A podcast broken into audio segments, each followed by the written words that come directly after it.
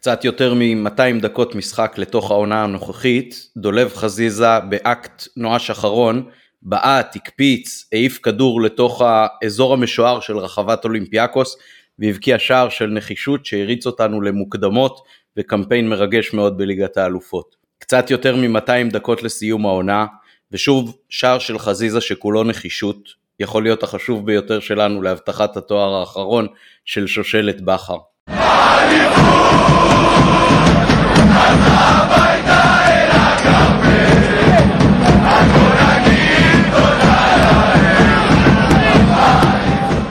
נובחים בירוק, פרק 397, תוכלו למצוא אותנו ברשתות החברתיות וגם בספוטיפיי, בכל יישומוני ההסכתים. נשמח אם תעקבו ותדרגו, ובעיקר אם תשתפו את הפרק עם חברות וחברים, ותעזרו לנו להפיץ את הירוק הטוב הזה, לפחות לכל אוהדות ואוהדי מכבי. איתנו היום אופק, אפילו לא קצת ספורט 5 פלוס, מה העניינים אופק? אהלן אהלן, מה נשמע עמית, מה קורה, מתן, איזה כיף להיות פה. כיף להסדיר נשימה אחרי uh, שבוע שכזה. מתן גילאור, כמו שרמזת, גם נמצא איתנו כמובן. מה העניינים מתן? רמזתי. טוב, טוב תודה, מה שלומכם? נהדר, מתן גם אה, עורך לנו את ההקלטה הזאת בפועל, ומי שאחר כך אה, יערוך אה, עריכה ראשית עוד יתגלה ויסתבר ואנחנו נפרסם את שמו. אני עמית פרלה, בואו נצא לדרך, אנחנו עם פינה חדשה היום, פינת הגינויים. אז מתן, מה ה top שלושה גינויים שלך לשבוע שבועיים האחרונים? טוב, גיניתי כבר כל כך הרבה, אני רק אגיד בקצרה שמעבר uh, למה שהיה בין שתי קבוצות אוהדים, שלא מעניין אותי מי התחיל מזה, אלא שמשליכים אחד על השני פירוטכניקה ו- וכיסאות, דברים, וגם גורמים, זה ונדליזם, וזה מסכן אנשים, הם כאילו, ומסכנים את הסביבה, ואז ברשתות החברתיות כל אחד מתבצר וכאילו נותן גיבוי, לח... למה? מה הקשר שלכם? מה, מה, באמת, כי אם באותה חולצה, אני הרבה יותר קרוב לאוהד מכבי תל אביב שבחר לי, להתרחק מזה, מאשר לאוהדים שזורקים אבוקות אחד על השני ולא משנה מה צבע החולצה שלהם. כן, אני בהחלט אה, איתך בעניין הזה, ומי שבטוויטר וראה מה לאה גורליק אה, כתבה, אז אה, תהיו לאה גורליק ובאמת תבקרו קודם כל את עצמכם, את משפחתכם, את סביבתכם הקרובה. את המחנה שלכם, איפה שאתם יכולים לתקן ולהשפיע ולשפר ולחנך, תבורכו, הרבה לפני שתבואו בטענות לאנשים אחרים, חושב שזאת הדרך הנכונה, זאת הדרך המתאימה. ברור שכשאתה מבקר מישהו אחר אז ישר יגידו שאתה בא מפוזיציה. כשאתה בא ומבקר את מי שקרובים אליך ואת המחנה שאליו אתה משתייך, אז הדברים הרבה יותר מקבלים לגיטימציה ומשקל ומשמעות, כי אתה מתוך אותו מקום ואתה בא לתקן אותו. אז uh, לכל מי שתוהה ומשתומם, uh, כן, אנחנו נגד אלימות, אנחנו נגד גזענות, אנחנו נגד הפרת חוק או אנרכיה uh, ככל שהיא פוגעת באחרים או אפילו רק מסכנת אותם. Uh, זה לא מפחית מהביקורת שיש לנו על uh, גופי אכיפה של בית הדין ושל ההתאחדות לכדורגל, אבל כל אחד יעשה את חלקו, אז לדעתי כולנו נרוויח מזה, אנחנו לא רוצים גזענות ואנחנו לא רוצים אלימות ואנחנו לא רוצים פגיעה במשחק, אנחנו רוצים שהכל יישאר על כר הדשא, אז uh, כל אחד יעשה בצד שלו את מה שהוא יכול uh, הכי טוב בקטע הזה, ואני חושב שכולנו נצא נשכרים. עכשיו אתה אופק. אני אמור לגנות, כי גם אני חותם על כל מילה שאמרתם. וגם איכשהו זה התחבר לי לשיחה שהייתה לי ולך בבת ים מחוץ למקום שבו ישבנו עמית דיברנו, אני אמרתי אני אהיה עירי קודמים תמיד, גם כשאני מסתכל על זה בהיבט של אה, עזרה וסיוע ובטח כשאני מסתכל על זה ממקום של אה, ביקורת או שיפוטיות ואתה אמרת לי כמובן שמישהו קרוב יותר ב... לקבוצה שלי אז הוא יותר מדבר אליי ואמרת שכמובן שמישהו מהעם שלי ואז הרחבת את המעגלים ודיברת על מי שיהודי אני מסתכל עליו אחרת והרחבת עוד יותר את המעגלים ואמרת בעצם כל בן תרבות בעולם. אני ממש זוכר את השיחה הזו אה, וזה לא שאני חושב שתפסתם פה איזשהו צד, כי אין פה צדדים. אני רק רוצה לשתף שגם אמרתי את זה ללאה הבוקר בקבוצת וואטסאפ, שאני חותם על כל מילה, וגם זה עולה לי ברמה האישית בלא מעט ריבים עם החברים שלי, ואני אמשיך להגיד את זה. מה שקורה ביציעי מכבי חיפה מפריע לי הרבה יותר ממה שקורה ביציעים של, של קבוצות אחרות, ואין פה שום הלקאה עצמית, ואין פה שום ניסיון להתריס, ואין פה שום הטרלה, כשאני מרגיש שאני נמצא בסביבה אלימה, זה קשה לי. אם זה במשפחה שלי זה הרבה יותר כואב לי מאשר אם זה במשפחה אחרת בירושלים. בסדר? עיר גדולה ורוויית אלימות. והאווירה באיצטדיון היא אווירה אלימה. אני לא, לא, לא אפתח את זה עכשיו, אני גם לא בטוח שזה בר תיקון ובר שינוי, אני רק אגיד שאני לגמרי מסכים עם כל מה שאמרתם. ואני אשמח אם נצליח איכשהו בכל זאת לדבר גם כדורגל. כי, כי זה נורא נורא נורא קשה ב, ב, ברצף האירועים שקורה עכשיו. גם לקראת נתניה, זה לא שמישהו יכול לדבר על ההרכב או על הסגל בכלל. כי זה הכל מעורבב בעניינים שאינם כדורגל. אמ, ופשוט בא לי מאוד לדבר כדורגל. ממש. כן, בא לכולנו, אה, וחשבתי על זה ככה קצת לקראת הפרק הזה, על עד כמה אתה ומתן והרבה פעמים אה, נדב שמשתתף פה ומדברים הרבה על הטקטיקה ועל כל מה שקורה על הדשא ועל מערכים וחשבתי על זה בהקשר של אה, דולב והשער שלו אתמול, ממש עכשיו בדרך, אה, למה אנחנו בדרך כלל קוראים שער של כדורגל? נגיד השער השני של מכבי אתמול אז רואים איך סונגרן זז מהעמדה שלו ליד הקו לכיוון האמצע, כן, נדמה לי שנדב העלה את הסרטון הזה בטוויטר, ו, ומשתחרר ומקבל שם את הכדור ויכול לתת אותו אה, שמאלה והכדור מגיע לקורנו וקורנו בועט ואז סבא נכנס שם באמצע ו, ויכול לקחת את הריבאונד ולהפקיע. אז בדרך כלל לזה אנחנו קוראים שער של כדורגל, אבל למעשה השער של דולב הוא הרבה יותר שער של כדורגל, כי הכדורגל הוא כאוס. והכדורגל הוא כמו החיים, והוא לא צפוי. ומי שנלחם עד הסוף, ומי שנאבק עד הסוף, ומי שרץ עד הסוף גם על מטרות אבודות, בסוף יוצא נשכר. לא תמיד, אבל לפעמים. ואתמול זה היה הכי שער של כדורגל אה, בעיניי, ואני רוצה מפה אה, לצאת באמת לדיון הזה על, על המשחק ו, וסביבותיו. אה, אז בואו תנו לנו כל אחד אולי את, ה, את ההגעה שלו למשחק, גם מבחינת תחבורה אם רוצים, וגם קצת מבחינת. ה mindset ואיך הרגשתם. אני רוצה להתייחס עוד אה, ממש למה שאמרת על הגול של דולב, זה גול להראות לילדים וילדות שמשחקים ומשחקות כדורגל. כי אם כל, כל ילד או כל נער ילחצו את השוער באמונה שלמה שיש מצב שהם מבקיעים מזה גול, הלחץ שלהם יעשה הרבה יותר טוב. ובשביל האחד למיליון שזה יקרה לך מול דניאל פרץ ולוקאסן, הבלם הטוב של מכבי תל אביב בין השניים והשוער אולי הטוב בליגה, השני לדעתי הכי טוב אחרי גלאזר העונה. וזה קורה לך בסמי עופר ולא באיזה מגרש נידח, וזה קורה לך מול כל הקהל שלך ובמשחק שני, שלושה מחזורים לסוף העונה. תרוץ באמונה שיש מצב שזה יקרה. כן, טוב, בתור מורה אופק אתה, אני חשבתי שאתה הולך להגיד להראות את זה לכל ילד ונער באשר הוא בלי קשר לכדורגל.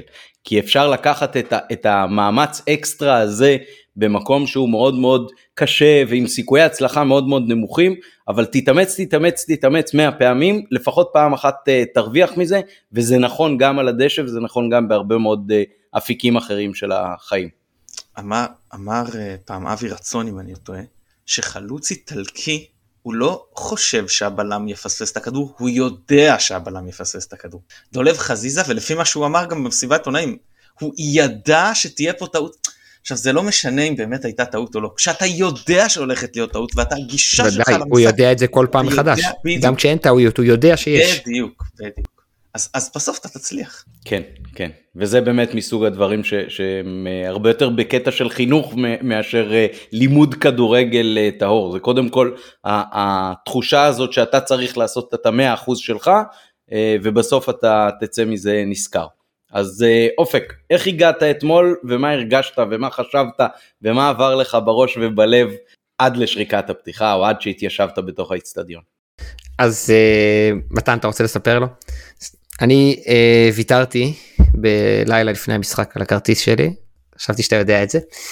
אה, ויתרתי לטובת אוהד שהוא אה, חבר והוא אוהד אה, מסור מאוד מאוד מאוד מאוד מאוד מאוד שלא זכה בכרטיס. אה, לא אכנס פה גם לסיבות האישיות שקשורות בלחץ ולמצב רוח ש, אה, שהקבוצה משפיעה עליי ואז אני יודע שנסיעת לילה אחרי הפסד כזה מחיפה לירושלים היא נסיעה קשה. הרגשתי גם שיש אוהד אה, ראוי ממני וגם שאני צריך לדעת לשים גבול מתי אני בתחושה שהדבר הזה שנקרא כדורגל ומכבי חיפה עלולים לעשות לי לא טוב בשאר החיים. אה, ושמתי גבול ואני מאוד שמח על הגבול הזה. צפיתי במשחק על המסך הגדול בסלון, עם שלושה חברים מאוד מאוד טובים שלי, שניים מהם מנויים שלא זכו בכרטיס, ועוד החבר הכי טוב שלי שהוא לא מנוי, באווירה טובה, במצב רוח טוב, בלחצים, נקרא לזה, פחות גדולים מאיך שהיו אם, אם הייתי באצטדיון. ואני שמח שעוד בן אדם הרוויח את החוויה הזו בזכותי, זה גם משהו. וואו, אז באמת שלא זכרתי ש, ש, שלא היית, ובאמת אה, בוואטסאפ גם אמרת, כתבת משהו שיכולתי להבין ממנו. אה, אז כן, זה א', כאילו יפה וראוי. אני אתחבר למה שאמרת על איך זה היה מרגיש עם הפסד, אז כתבתי לכם כבר בצהריים שאני אופטימי לגבי הערב, אבל אני חי כבר את הטראומה כאילו היא התרחשה. ואני הגעתי, קודם כל נסעתי עם, עם uh, חבר. רגע, אני חייב לשאול ו... איזה משהו, שנייה את אופק לפני. אופק, האם אי פעם היית באצטדיון שנתנו שלוש למכבי תל אביב? בוודאי, בשלוש שתיים. אבל אז לא היית בבית חולים או משהו? לא, זה הסיפור של... לא, זה היה 2-0 על באר שבע. 2-0 של פאני, שנה שעברה. אה, אז זה היה ש... זה היה חבר שהתעלף בבר אוהדים, שלקחתי אותו למיון. אוקיי, אוקיי. לא וגם ב-3-0 של אה, רוב מסה האגדי. עזוב ללכת לפני זה לקריית אליעזר, נדבר רק בסמי עופר. רוב מסה האגדי, כן, בגביע. לגמרי. מי הבקיע את הגולים? עטר, רוקאביצה? לא, קהת סולליך ורוקאביצה. יפה. הראשון, רוקאביצה ממרכז, רייקוביץ' עודף וקהת הריבון. השני אלירן עטר טועה, מתפרצת שלנו, רוקאביצה נותן הצידה לסולליך 2 על 1, ואת השלישי רוקאביצה מהפינה הימנית מסובב לרחוק של מעל. לרחוק. מהגולים האלה שכשהכל הולך לך אז הכל הולך לך. משחק מושלם של רוקאביצה, היה מספר אחד. אוקיי. קלסרים בראש של מתן עובדים יותר מהר מהאינטרנט. לא, אז זהו, ולשאלתך, אני גם לא אמצא רגע כמו השלוש שתיים של שנה שעברה. אף, אף זכייה באליפות באצטדיון עבורי, לא כמו שהיה לי שם, זה משהו התפרק שם. יאללה, סליחה. כן, כן. אז עמית, סליחה שהפרעתי. כן, אז, אז, אז באמת אה, אמרתי, קודם כל שכחנו את הכרטיס חנייה בבית, אז ירדנו עם האוטו לאצטדיון, הגענו כמעט עד האצטדיון, הורדנו את הילדים כדי שייכנסו בשער הצפוני. אה, עשינו שם איזושהי החלפה, מישהו פנה אליי בטוויטר, שני אחים, אני לא אסגיר את שמם כי לא שאלתי רשות מראש, אה, אז הם פנו אליי ושאלו אם יש לי אה, כרטיסים להחליף איתם, ושאלתי את הבת שלי ואת הבן שלי והם הסכימו להחליף, אז הם ישבו בצפוני לבד עם עוד חברה של הבת שלי, ושני האחים מהצפוני באו וישבו איתנו ביציע הכסף. אז קודם כל הילדים שלי נכנסו ואז עלינו הביתה חזרה לקחת את הכרטיס חנייה וחזרנו לאצטדיון ולשמחתי הגנים המשפחתיים הם כאלה שהמרווח ביטחון תמיד uh, מאפשר לנסוע עוד פעם הלוך ושוב. לאבא אתה יודע שאתה יכול פשוט ללכת למשרדים שם ולהוציא תו זמני חד פעמי למשחק. בוא נגיד ככה למצוא את הפרוצדורה ואת מי שיוציא לי את זה היה לי יותר פשוט כבר לעלות חזרה לכרמל uh, והגענו מספיק בזמן והכל ונכנסנו אבל היה לי לב כבד אה, אנחנו הרבה פעמים מדברים על זה שאתה חוזר מהפסד במשחק חוץ אז אתה יכול לנסוע שעה או שעתיים ולא להחליף מילה עם מי שיושב לידך, פשוט לא דיברתי. הרגשתי את זה כבד, זה, זה בדיוק מה שאופק מתאר, כאילו ידעתי עד כמה זה יכול לעשות לי רע, הרגשתי את הרע הזה כאילו, כאילו ממש, ממש פעם ראשונה ש, שאמרתי לעצמי, תשמע, אולי, אולי זה too much, האם, האם יגיע רגע שבו זה יהיה כל כך חמור שאתה תבין שאתה גורם לעצמך נזק שאתה צריך ממש להתרחק אז אני לא יודע ולשמחתי גם לא ניתנה לזה תשובה אתמול בערב אבל אה, כן זה, זה היה לי מאוד מאוד כבד ואני תמיד נותן כדוגמה את המשחק נגד הפועל תל אביב באליפות שאחרי הקיזוז. אה, המשחק בית בחיפה בקריית אליעזר. אני זוכר את עצמי יושב עם פנים לבנות מבוהל וחרד מזה שהתסריט של עונה קודם מתממש, שאז אה, לאלה הבקיע לנו את ה-1-0 ופה כן. מכבי הייתה טובה ו- וניצחה. שי מימון עדיין רודף אחריו. כן, טוב, עשו עליו עבירה שם ליד החצי. לא היה ור. אה, לא היה ור. אתה מדבר על המשחק ש... רפאלוב קטן? מה כן. היה במשחק שאחרי? כן. קטן וקלרשווילי. כן, כן. רפאלוב. קטן מהריבאונד שם? לא, קטן מארביטמן היה לפני זה, כן. אה, נכון, מהמשקוף. אז, אז באמת, אז אני זוכר את הפחד העצום הזה מזה שהטראומה תחזור על עצמה, ו, ופה היה לי חשש, אבל, אבל משום מה בטחתי בקבוצה, זאת אומרת, אני לא יודע להגיד למה בדיוק, ו, ואז אחרי שהמשחק התחיל, אז, אז גם זה היה עוד פעם הדואליות הזאת, כי מכבי שיחקה היטב, ומצד שני נקלעה לפיגור, אז הייתי בבלבלה רגשית מאוד מאוד uh, חזקה. מתן, בוא תן לנו את הפרי גיים שלך. אה, טוב, יצאנו מאוד מוקדם הפעם. הרבה זמן לא זוכר מצא, יצאתי כל כך הרבה זמן לפני משחק, שלוש וחצי שעות, אה, שלוש שעות וחצי. אה, יצאנו כבר לפני והיה מזל, כי בדיוק נתקלנו באיזה תאונה, אמרתי לילדים, מזל שיצאנו עכשיו, כי עוד עכשיו יתחיל להיווצר הפקק מאחורינו. אז באמת הדרך הייתה סבירה, אתה יודע, שעה וחצי וזה, אז הגענו, חנינו והגענו יחסית מוקדם, ואז הכנסתי את ה... יש לי מנוי, לבן הגדול שלי מנוי לדרומי. אז הוא בא איתי, והבן השני שלי, שלו אני חוכר מנוי לידי, אה, הלך לצפוני. ואז זה היה ממש כמו, אתה יודע, כשמחכים בגן כזה, כל ההורים, אה, כשהילדים יצאו, או בכיתה א', לא משנה, שכל האבות עומדים כזה בחטא מסביב ליציע הצפוני, וסמן לי, ואתה יודע, ואתה מכניסים את הילדים שלהם, באמת זה היה מחזה שלא חשבתי שיצא לי לקחת בו חלק באצטדיון כדורגל. אז הוא באמת, הוא הלך עם חבר שלו שהוא פגש בפנים. אמ, אני מודה שגם אני הייתי לחוץ מה, מהמשחק. אמ, לא, היו דברים שנתנו תקווה מקצועית, בעיקר חוסרים אצל מכבי תל אביב, וזה שהם באו במורל נמוך, ויחסית זה שהם סיימו את העונה. אמ, אבל עוד מעט ניגע למקצועי, אבל גם היה את ההוראה של ה... של ה... שכולם להגיע מוקדם, ואת ההקרנה ליד והכל, ואני יודע שרצינו גם להגיע מוקדם, וגם באמת האיצטדיון התמלא יחסית מוקדם, והייתה תכונה שלא הייתה לפני משחק לדעתי מאז ליגת האלופות. כאילו שיש יותר אנשים באצטדיון ויותר עידוד אמ, של הקהל הרחב, זאת אומרת מעבר לגוש המרכזי, וכששמו את השיר, אה, אה, שיר האליפות של 93-4 בגרסתו הפחות אהובה עליי, אה, ממש ראיתי את כל הצפונים מנופפים ודגלים, ובאמת, זה, זה, מה, מה זה שחרר אצלי משהו כאילו בהרגשה אה, לא יודע, לראות כל הילדים ככה, אה, אתה יודע, אינטואיט, זה עשה לי ממש כיף. כן, אני אוסיף עוד דבר אחד, שמרוב אה, תכונה והיערכות, אז כשהילדים שלי ניסו להיכנס עם השקיות מים של דקטלון, כאלה בקבוקי מים רב פעמיים, אז בניגוד לבדרך כלל שנותנים לנו להיכנס עם זה מאוד בקלות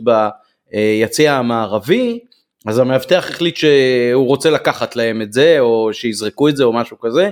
הבן שלי ממש התקשר חצי בוכה עם הדבר הזה, ובסוף הבת שלי בכישרונה כמובן ששכנעה אותו, או את מי שאחראי עליו, שאין בזה שום פסול וזה לא משהו שעתיד להיזרק, ועשתה את הרושם הנכון כדי שייתנו להם לשמור על הבקבוקים.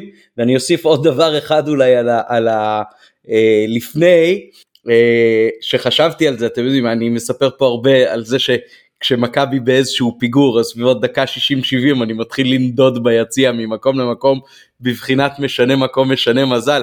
אז חשבתי על זה שהייתה פה תנועה של מאות, אולי אפילו אלפים של אוהדים ממקום למקום, מעניין מה זה יעשה מבחינת המשנה מקום משנה מזל ולאן זה יביא אותנו. אה, אני יכול בשורה אחת להגיד ש...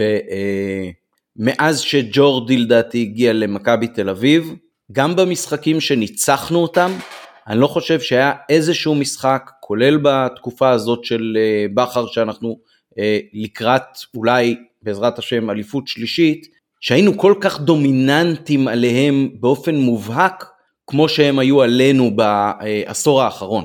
כולל במשחקים ש, שאנחנו באנו מלמעלה והם באו מלמטה, אולי אולי אולי אולי ה-2-0 הקודם של לא, תחילת רגע רגע רגע רגע רגע היה להם מצב אחד כל המשחק איביץ' בא לעשות ממש בונקר זוכרים 5-4-1 בלי יובנוביץ' היינו לא היינו בהרבה מצבים לכיבוש אבל היינו מאוד מאוד מאוד דומיננטי. היינו יותר טובים מהם זה זה כן. משמעותית. זה לא היה נראה כמו הפעם ילדים מול נוער זה היה כן. כאילו. למה אתמול היה ילדים מול נוער? אתמול הרבה מאוד, לדעתי היה גם החולשה שלהם. ממש, אנחנו... שם, אה, אוקיי, אני חושב שאתמול, אני חושב שאתמול מכבי... השלוש שאנחנו קיבלנו בבלומפילד, זאת אומרת שקבוצה אחת פשוט עליונה על השנייה. אז אני לא הרגשתי, טוב אתה היית באצטדיון, אני לא, לא הרגשתי ככה, אני כן חושב שמה שהיה מאוד מאפיין של מכבי תל אביב אתמול בהקשר של מה שעמית אומר ומאוד דומה למכבי חיפה לאורך שנים, לא היה שם אף דמות על הדשא שהשחקנים שלהם יכלו לשאוב ממנו איזושהי אה, איזשהו רוגע. עכשיו העיניים הלכו כל הזמן לדור פרץ ולייני. בדיוק ככה רצי, רציתי להגיד וזה, ש, ו... שהיחיד גם שראית אצלו שבוער לו כן לנסות לקחת את זה חזרה זה דור פרץ. זאת אומרת זה, זה היה מאוד מאוד בולט שהוא זה ש, ש, שזה שהוא באטרף על המשחק הזה שזה חשוב לו לא להפסיד אה, אבל זה לא הספיק מבחינתם ומבחינת כדורגל הם באמת לא היו קרובים אפילו נכון. לרמה ו- ולא מטריד אותי שזה בגלל ששני המנהיגים העיקריים שלהם לא היו שם. כן ואני חושב שבין היתר זו, אה, זו אחת הסיבות ששירן יהיה ניהלה בהרכב אגב. כן אני מסכים אז בואו בואו ניגע באמת קצת בכדורגל אה, אופק בוא תתחיל קצת עם הניתוח שלך של המחצית הראשונה וההתפתחויות. אוקיי אה, מתן תת, אה, תתפרץ לי בסדר? אם אתה לא מסכים ואם אתה כן מסכים או אם אני אומר משהו דבילי או אם אני משהו חכם. אה, מכבי חיפה פותחת את המשחק ב-4-1-4-1 מערך שמתאפיין בכך שמתחת לחלוץ שהיה פיירו יש ארבעה שחקנים באותו קו. ארבעה שחקנים אה, מוכשרים והתקפיים דולב חזיזה בשמאל סבא טיפה יותר באמצע שרי טיפה בימין ועומר אצילי בקו ימין ומתחתם אבו פאני. קשר אחורי יחיד עמדה 6 פיתחו סוגריים משחק פנטסטי של אבו פאני סיגור סוגריים אה, ורביעייה הגנתית אה, שבה יש את אה, דניאל סונגרן מגן ימני דילן בלם ימני שון בלם שמאלי וקורנו מגן שמאלי אני רוצה שנדבר רגע על רביעיית ההגנה של מכבי חיפה. ראשית ראינו שלדילן הרבה יותר נוח בימין מאשר בשמאל. הוא עשה משחק מצוין אתמול וזה בעיקר היה משחק שבו הוא היה מאוד נינוח מאוד לא רוצה להגיד מרגיש בנוח מאוד אה, אלגנטי מאוד מזכיר את דילן של ההתחלה. גם מאוד אקטיבי מבחינת תקיפת הכדור ב- בדיוק, בכל מיני שזה דברים. חלק- שזה הוא חלק הזכיר מלהרגיש את בנוח. פלטניץ' במובן מסוים בקטע הזה שהוא הרגיש נוח ללכת קדימה ולקחת את הכדור לפני השחקנים ולא רק להסתמך על הפיזיות שלו מאחוריהם. נכון והיריבה שיחקה עם חלוץ אחד ולא עם שניים. שהיריבה משחקת עם שני חלוצים יותר קשה בהקשר הזה. אה, אז אחד זה דילן בצד ימין זה מחשבות גם לעונה הבאה בהנחה וסק מורחק גם במשחק הבא זה די ברור אבל בוא נחשוב אפילו אחר כך כי גם לסק וגם לדילן יותר נוח לשחק בצד ימין ולשון משמעותית יותר נוח לשחק בצד שמאל. אה, זאת הנקודה הראשונה והנקודה השנייה היא באמת התרומה של שני המגנים שלנו גם למשחק ההתקפה. לא כי דניאל עשה את הגול השני ופיירו הוא זה שבעט אותו ודניאל העיף את הכדור הארוך בגול השלישי אלא כי בניית, המש... בניית משחק ההתקפה שלנו מתחילה מאחורה בשליש הראשון של המגרש ושם גם דניאל וגם קורנו הם פנטסטיים זה ממשיך דיון קצר קצר שהיה לנו בקבוצת וואטסאפ היכולת של אה, דניאל לרווח אה, ולחזור לפתוח זווית מסירה לקבל את הכדור לבד לגמרי ולתת פס אה, שמקדם את המשחק. וכמובן היכולת של, היכולת של קורנו לעשות את כל הפעולות האלה גם בשליש המרכזי. קורנו כל הזמן מקדם את המשחק שלנו. אז שני המגנים בעיניי הם, הם, הם משהו ש, שראוי לדבר עליו אחרי משחק הזה ולא כי הם היו מעורבים ישירים בשערים. אני, זה, זה נכון למגינים, זה נכון גם בכלל. כל דבר שהיום מנתחים ברמה של מכבי, צריך להיות מנותח בפריזמה של העונה הכי עמוסה ואינטנסיבית מבחינת צפיפות ו- וקושי מאז מכבי של 2002-2003. כאילו במשך 20 שנים בכדורגל הישראלי, אז זה היה פשוט שלב בתים ש- שני באלופות, אז, אז המשחקים היו יותר צפופים, ואז הם גם טסו, זה היה אפילו עוד יותר והסגל היה יותר קצר. כל דבר צריך לקחת בהינתן העומס, בעיקר פיזי וגם מנטלי של הסיפור הזה, למרות שהייתה את אותה פגרה שהייתה באמצע העונה. אמ, אני באמת, אני מודה שאין לי כל כך הרבה שערות על הראש, אבל אם היו, היו הייתי תולש את אותן מהביקורת שנשמעת אה, כלפי שני החבר'ה האלה, מבחינתי צריך להיות קונצנזוס, זה אנשים שאני משבית את נתב"ג כדי שלא יעזבו, כאילו, אני, אני מבין למה יש שחקנים אחרים שיכולה להיות לגביהם מחלוקת. שניהם מבחינתי שום דבר. אני כבר אמרתי את זה ואני שוב אומר, סונגרן לליגה שלנו הוא עילוי הגנתי ואחלה שחקן התקפית, קורנו לליגה שלנו הוא עילוי התקפי ואחלה שחקן הגנתי, אין שום סיבה שבעולם הסיכוי למצוא שחקנים ברמה הזאת שהשתלבו ככה, עם הנכונות הזאת, עם הגישה הזאת למשחק, עם החיבור לקבוצה, עם החיבור למכבי, לאתוס, לא יודע, אני מבחינתי כל כך לא, לא מבין את זה, אני פשוט תופס מאוד מאוד משני השחקנים האלה, מאוד.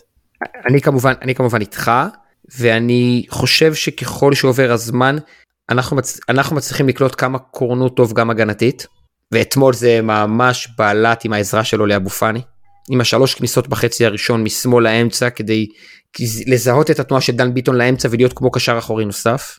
וגם עם התרומה של דניאל לבניית משחק ההתקפה שלנו נכון שדניאל מאז הפציעה לא איכותי בפעולה האחרונה מספיק אבל א' הוא משחק עם עומר אצילי שזה לא תמיד טיפוס אה, שקל לשחק איתו.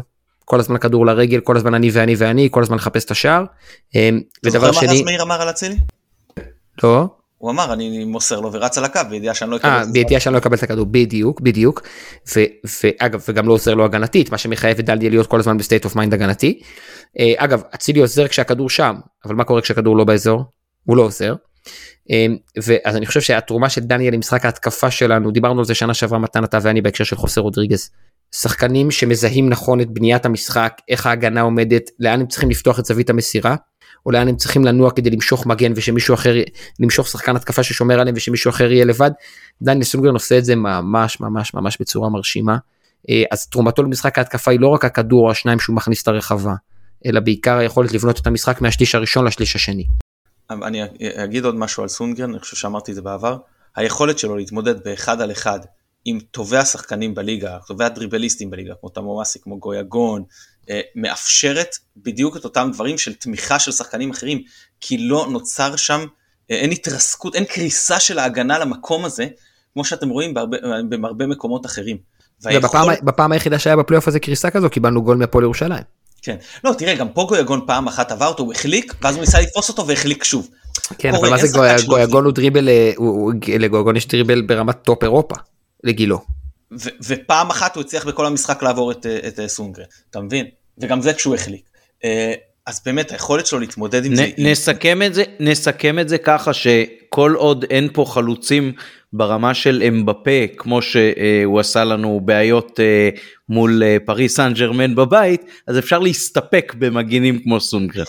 בהחלט. שאגב היה שם בלם בקו 5 לדעתי, לא? אפילו לא מגן. נכון. אם נגעתם רגע אז בוא אני רוצה טיפה לגעת מכבי תל אביב כי זה מאוד רלוונטי גם אלינו.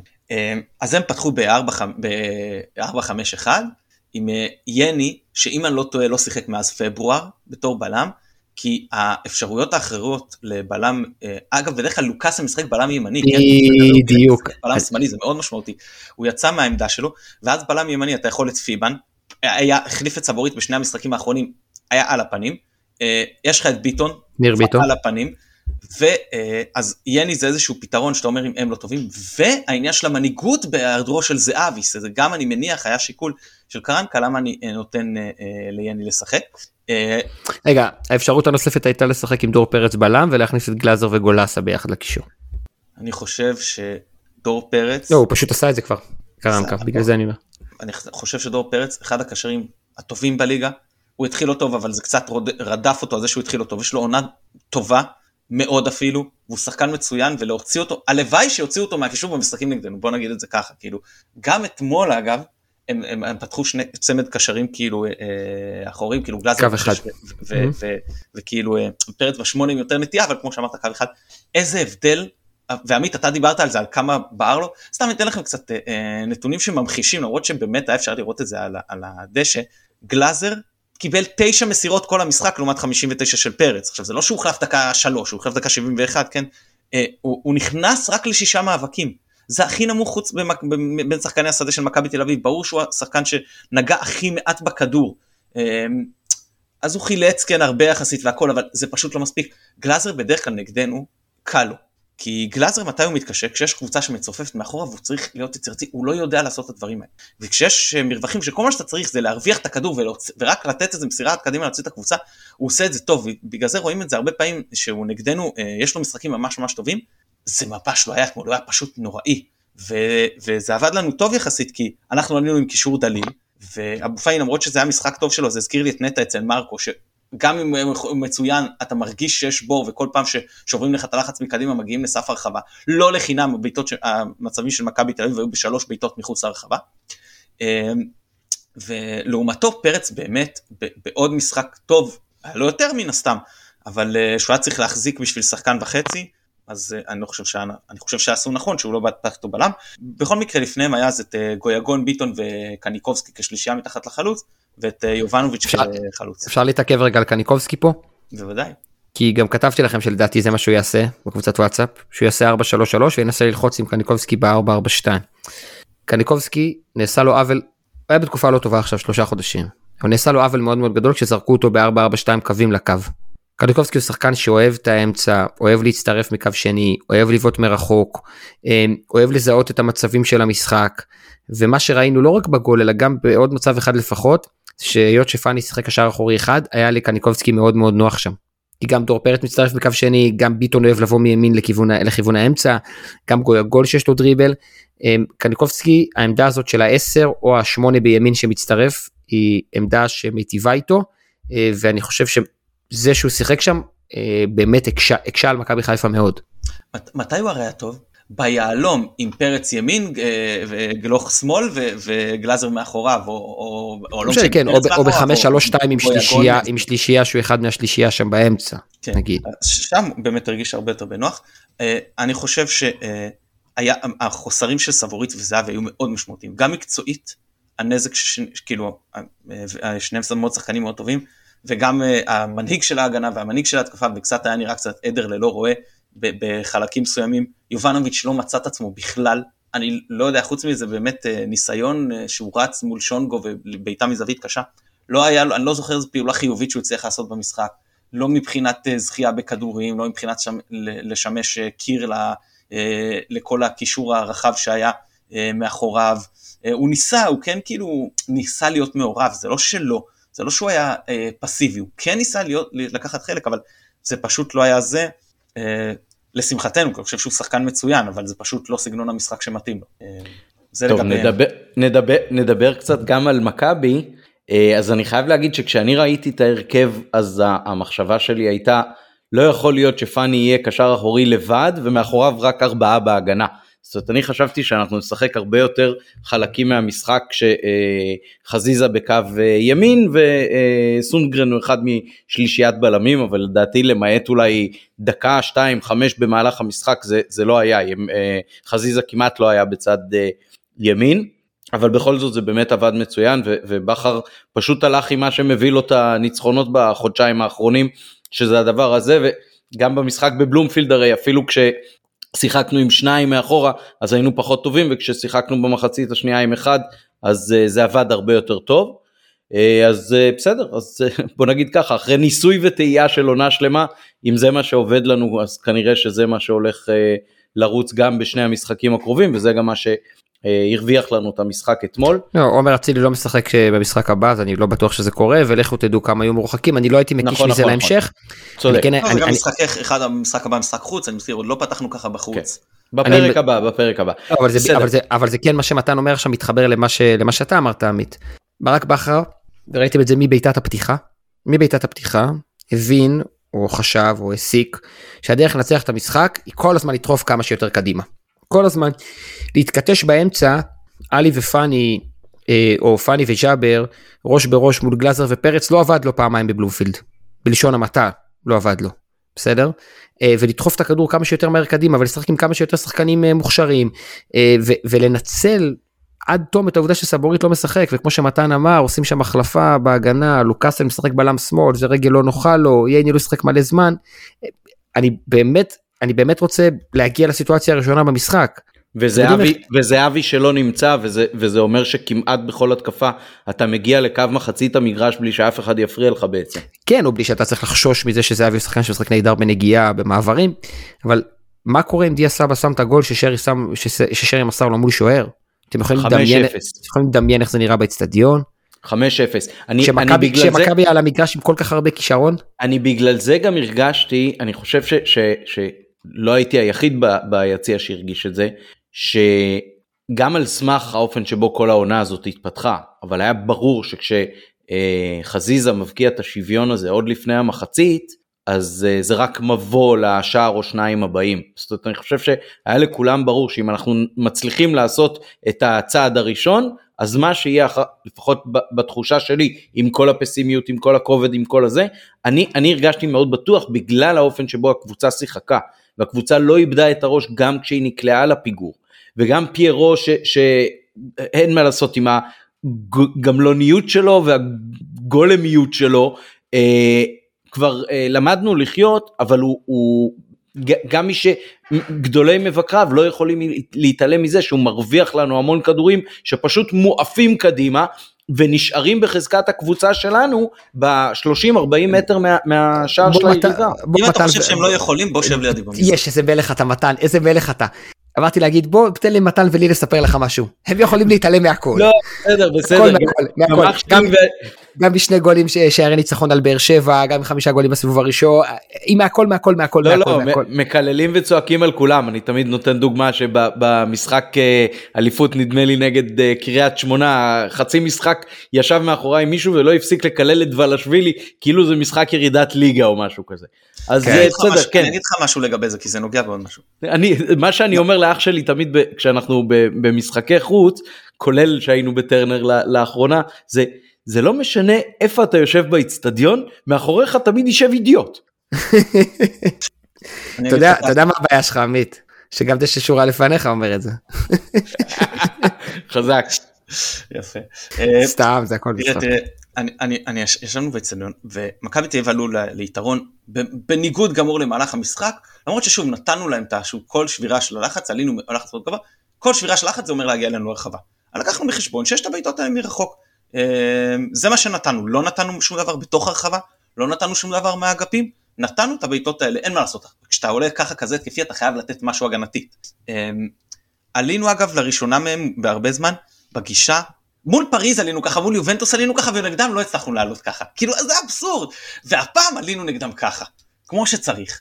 ולכן גם כשהובלנו 1 שהם הובילו 1 זה היה מעצבן, זה כאילו, אתה אמרת, זה בניגוד גמור לערך המשחק, אבל, אבל אנחנו שם, אנחנו כאילו כן בעניינים, אנחנו כן משחקים טוב וכן מסוכנים.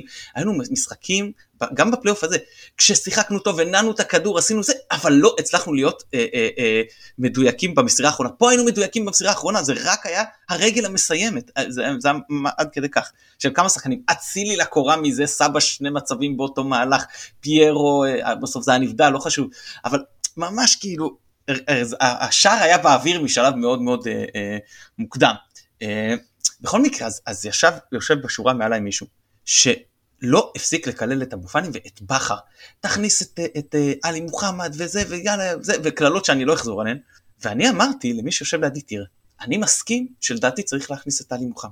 אבל אני גם יודע שברק בכר יודע כדורגל הרבה יותר טוב ממני, ושגם הוא רואה את המשחק שאני רואה. ולכן אני לא הייתי מעלה על דעתי להתחיל לצעוק ולקלל, וזה- בלי קשר לא הייתי מקלל, אבל ברמה העקרונית, כי אני אומר, אוקיי, אז אני חושב משהו, ובכר יודע יותר טוב ממני. וזה הוכיח את עצמו. כשבכר יודע יותר טוב מאיתנו, וגם הוא טועה, ברור שגם הוא טועה, אבל הסיכוי שאנחנו טועים הוא הרבה יותר גדול מאשר כשהוא טועה.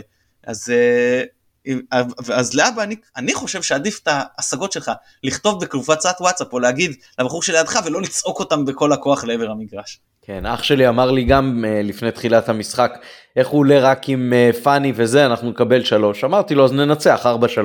זה, זה, ספ- זה פשוט היה... ספציפית 4-3. כן, בדיוק. ספציפית יונתן כהן. 4-3, ו- וזה היה באמת ה mind לדעתי של בכר, של כאילו, אם אתם רוצים לעשות תחרות הבקעות, יאללה בואו. ו- אני אומר, אני, אומר, אני אומר לכם שוב, דעתי בנושא יציבה מאוד. זה שילוב של מה, של ניהול אגו, ניהול אגו. ספסלתי את דיה השבוע שעבר, אני לא אספסל אותו שוב עכשיו. עומר לא יכול לגעת בו, שריאן לא יכול לגעת בו, דולר מאפשר לי משחק בין מערכים. זה, זה אחד. ושתיים, זו באמת ההבנה. אם פעמיים רצוף הפסדתי להם עם שני קשרים באמצע, ב- בדיוק כמו באר שבע בבית, אני מזכיר לכם. אם גם ככה הפסדתי להם עם שני קשרים באמצע, לפחות אני ארוויח את האפשרות להבקיע עם עוד שחקנים מוכשרים. זה, זה לא צריך להיות יותר מסובך מזה. ו, ואגב מתן, לגיטימי לגמרי לבקר את ברק בכר ואת הצוות המקצועי אחרי שלושה ארבעה חודשים האחרונים. הקבוצה היא הרבה הרבה יותר מוכשרת והרבה הרבה יותר עמוקה מרמת הכדורגל שהיא מראה. זה לא קשור לעובדה שאתה ואני תמיד נוטים לסייג. ברור שיודעים יותר מאיתנו.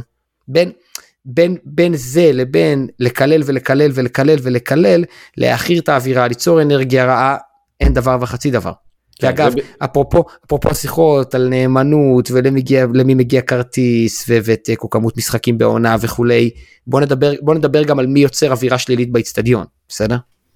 אני אגיד לכם ככה, בכר הגיע, ראה את הבעיה שהייתה אצל בלבול, בעיקר מרכז השדה. הביא קשר, קשר אחורי, החזיר קשר, מרכ... אה, עוד קשר מרכזי, העמיד פה קישור מאוד מאוד חזק.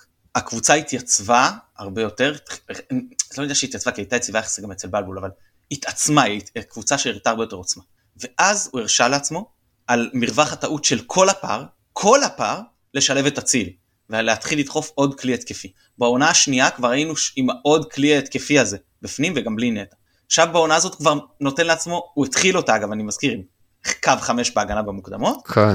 והוא מסיים אותה עם עוד כלי התקפי. חמש עם שני קשרים אחוריים. 5-2-1-2, אני נכון, מזכיר. עם פתק אה, זה, ואלי לידו כשאפשר, ואם לא אז פאני. ובקו אחד באלופות, כמו שאמרת.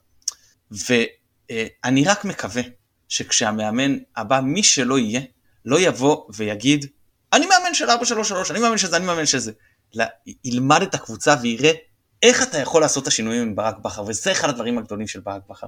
שהוא רואה שאני יכול לתמרן בין שיטות, בין מערכים, בין דברים, כשזה מתאים לי נקודתית לקבוצה הזאת. כי אני צריך את העיצוב פה, כי היא עייפה, כי יש לי עכשיו הרבה יותר כישרון, ואני יודע שהקבוצה שלי היא לא מבריקה, אז אני רוצה לאפשר לעצמי כמה שיותר, אה, ניצול כמה שיותר גבוה של מצבים, או לא משנה, אבל אה, לא להיות מקובע, ואני חושב שזה אחד הדברים הגדולים של אה, ברק בכר, שזה בא לידי ביטוי בסוף העונה הזאת, כי אם אנחנו קבוצה שרצה ומתקתקת, כמו שהיינו בתחילת העונה, הוא לא, הוא לא משחק 4-1-4-1 עם, עם כזאת אוריינטציה התקפית להגנתי, הוא אומר, לדעתי, הוא אומר, אני גם יכול לא לתת לאף אחד שום דבר הגנתית, וגם להרוויח התקפית.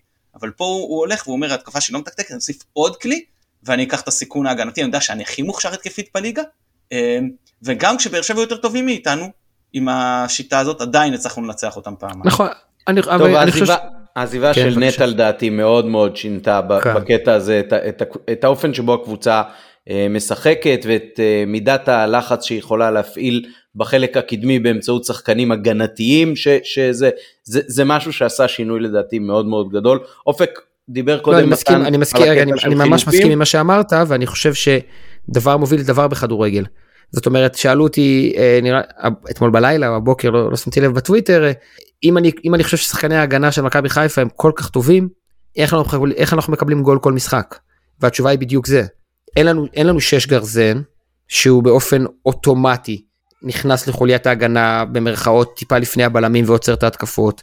וזה לא סוד ששחקני הכנפיים שלנו שהיו נהדרים בלחץ אה, אה, פול קורט גם עומר אצילי גם דולב חזיזה ואגב גם פיירו בסדר עושים עבודה וגם שרי עושים עבודה הרבה פחות טובה בלחץ. ואז זה לא רק שמגיעות הרבה יותר התקפות הקבוצה השנייה מגיעה בצורה נוחה יותר. זה לא רק הכמות זה גם איכות ההתקפות שהיריבה שהיריבה מגיעה. כמות הפעמים שמגיעים נגדנו לשניים על אחד על הקו גדולה יותר עכשיו מאשר הייתה לפני שנה משמעותית. ושניים על אחד על הקו יכול במקרה להיגמר גם כמו בהראל שלום. וזה גם יכול להיגמר כמו במצבים אחרים שלא נכנסו בסדר? כן וגם ה-DNA של הקבוצה עם כל זה שזה אולי נשמע מאוד מאוד פומפוזי אה, אני יכול להעיד משנות ה-80, אחרים מעידים עוד משנות ה-50 וה-60. מכבי היא קבוצה שרצה קדימה, אנחנו הרבה פעמים אומרים את זה, כאילו גם אתמול אמרתי לאח שלי, אתה תראה, יכולים פה לרדוף אחרי ה-4-1 הזה, כאילו אה, מחפשים רק את היחס שערים ולחטוף את ה-3-2 בצד השני. זה, זה, זה גם זה באיזשהו מקום.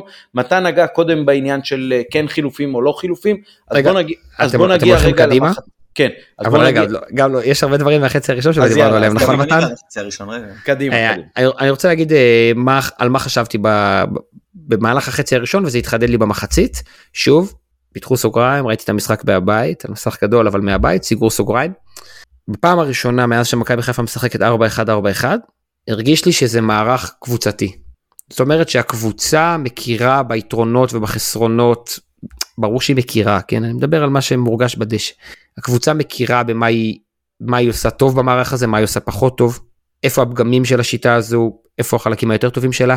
זה היה נראה קבוצתי, ולא היה אסופת שחקנים מוכשרים שמנסים להציל את המולדת ובמקרה הטוב מוסרים למישהו אחר כדי לקבל את הכדור בדאבל פס חזרה. זה היה נראה והרגיש יותר קבוצתי מאשר פרסונלי. כן, אני אגיד שהיו לי דקות אה, מנטליות נפשיות, סליחה, אבשלום קור אמר שלא להגיד, אה, לא פשוטות, כשבאר שבע הובילו 1-0 ואנחנו פיגרנו 1-0, אה, במצב שאמרתי לעצמי, אוקיי, גם אם אנחנו מצליחים להשיג פה שוויון, זה, זה נקודה וחצי הפרש, זה, זה לא פשוט. פתאום חשבת על מה שאני אמרתי על תיקו זה, סתם. כן. לא, לא, דווקא לא, חשבתי שיש מצב שאנחנו בנתניה, חשבתי שיש מצב שאנחנו עומדים באצטדיון בנתניה, מתחיל משחק, דקה 15 אנחנו מקום שני, פתאום. מה, זה, זה, זה, זה מלחיץ. זה מצב שלא, מצב דמיוני באותם רגעים. אמ, זהו, אז, אז אני אמרתי לעצמי באותו רגע, פשוט חייבים להשיג את השוויון עד ההפסקה. לא כי אנחנו לא משחקים טוב, ולא כי אפשר, הראינו שאנחנו יכולים להשיג את המהפך לכאורה גם אחרי דקה 70, אלא כי, כי נפשית, לעמוד, לעלות למחצית השנייה בפיגור, כי השחקנים כבר יורדים לחדר הלבשה, והם יודעים מה קורה באצטדיון השני והכל, והדברים מחלחלים, אתה יושב וזה נכנס לך, זה הרבה יותר קשה מאשר כשאתה על הדשא והמשחק זורם, אה, פחות מגיע אליך.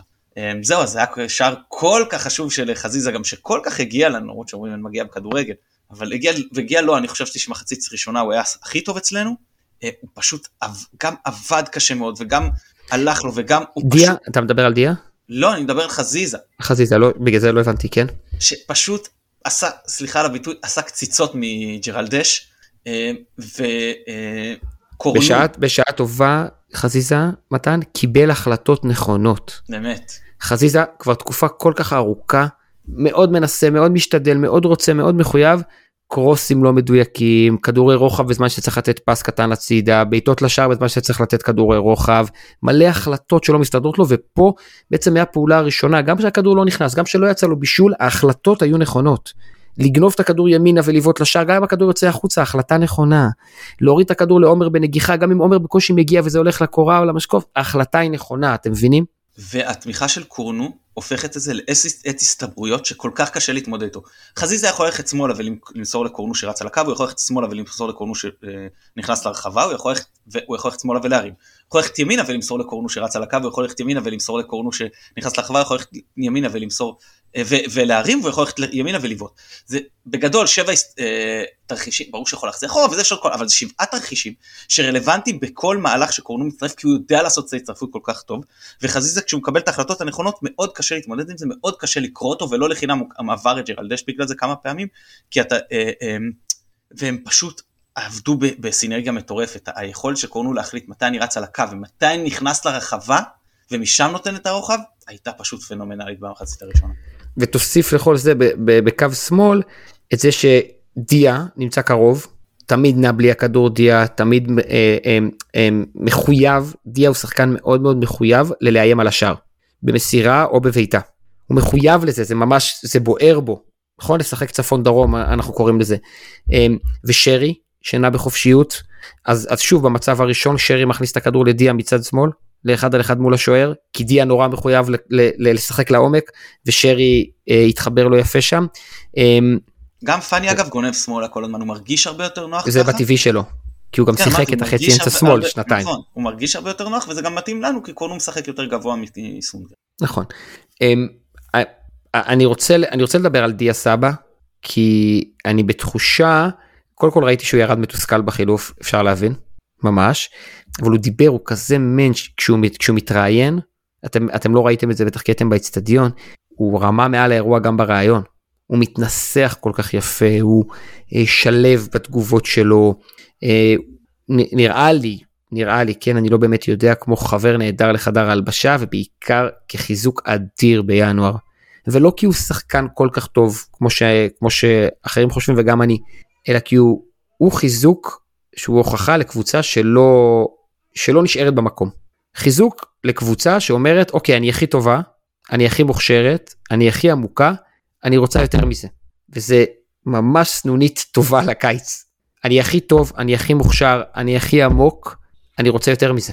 כן, להצליח להביא בינואר מישהו שנכנס לתוך ההרכב הזה כשיש לו כזאת סוללה של אה, שחקנים בחלק הקדמי, זה ממש ממש אה, אירוע מה שנקרא, ואני גם מאוד, אה, מאוד אוהב את הצורת משחק הזאת, בעיקר את התכלסיות הזאת של ללכת קדימה, והוא בא על שכרו בשני השערים שאחד מהם לקחו לו אולי בסטטיסטיקה, אבל זה היה פיצוי טוב על זה שדניאל פרץ לקח לו שם את השער הראשון שאמור היה להיות. לחלוטין. אמ, כן, כן נראה לי שנכון להגיד על החצי הראשון, שלשחק עם קשר אחורי אחד, כמו שכבר אמרנו מקודם בהקשר, אני אמרתי בהקשר של קורנו, לשחק עם קשר אחורי אחד זה לדעת אה, שיש סיכוי סטטיסטי טוב שתקבל גול מהאמצע. וזה משהו שגם צריך להיות ברור לאוהדים. זאת אומרת, כשעולים לשחק ככה, מי שיש לו ציפייה שהאמצע ייסגר הרמטית חזק ואגרסיבי, יש לו לדעתי ציפייה לא ריאלית. וזה בסדר, היינו יותר טובים ממכבי תל אביב, גם בחצי הראשון. כן, היה שם גם אה, שני אירועים של אה, חצי פנדל, נקרא לזה ככה, גם עם העבירה על אה, חזיזה בחצי הראשון, אתה ראית אולי יותר הילוכים חוזרים, כי אני רק ראיתי בטלפון של מישהו לפניי באיצטדיון, וגם אחר כך בקרן שליוותה את זה. אתה יודע מי זה המישהו הזה, כן? אה, לא, זה לא, זה לא אלה שבאו איתי, למה? כי זה ההוא שחושב שמי שמעליו, סתם. לא, אנחנו מתקזזים כי בקריית כן. אליעזר הוא ישב מאחוריי. אוקיי. אה, אז זהו, אז זה מביא אותנו בעצם ל- למחצית, תחושות, מחשבות על כן חילופים, לא חילופים, מה עבר לכם בראש? אני חששתי שהוא הולך, אה, שברק הולך לעשות אה, דין על פיירו, חשש מוצדק לנוכח כל מה שקורה במכבי חיפה בחצי השנה האחרונה. ראיתי היום לא נתונים, מה? אני חשבתי שאם יש סיכוי שהוא יכניס את זה טלי, כי חשבתי שלפיירו סך הכל היה משחק טוב, הכי טוב שלו בתקופה האחרונה. הוא גם יותר, זה, אשדוד- בית. בתקופה האחרונה היו כששיחקנו 4-1-4-1. נכון, אשדוד בית, אבל זה היה באמת אה, שונה מאוד. נכון, אני רק אומר, אני חושב שהוא היה יותר טוב שם. אה, אה, כן, אוקיי, בסדר. אני מקבל, אבל זה, זה, זה היה באמת יוצא דופן, גם הדרישה ממנו הייתה שונה.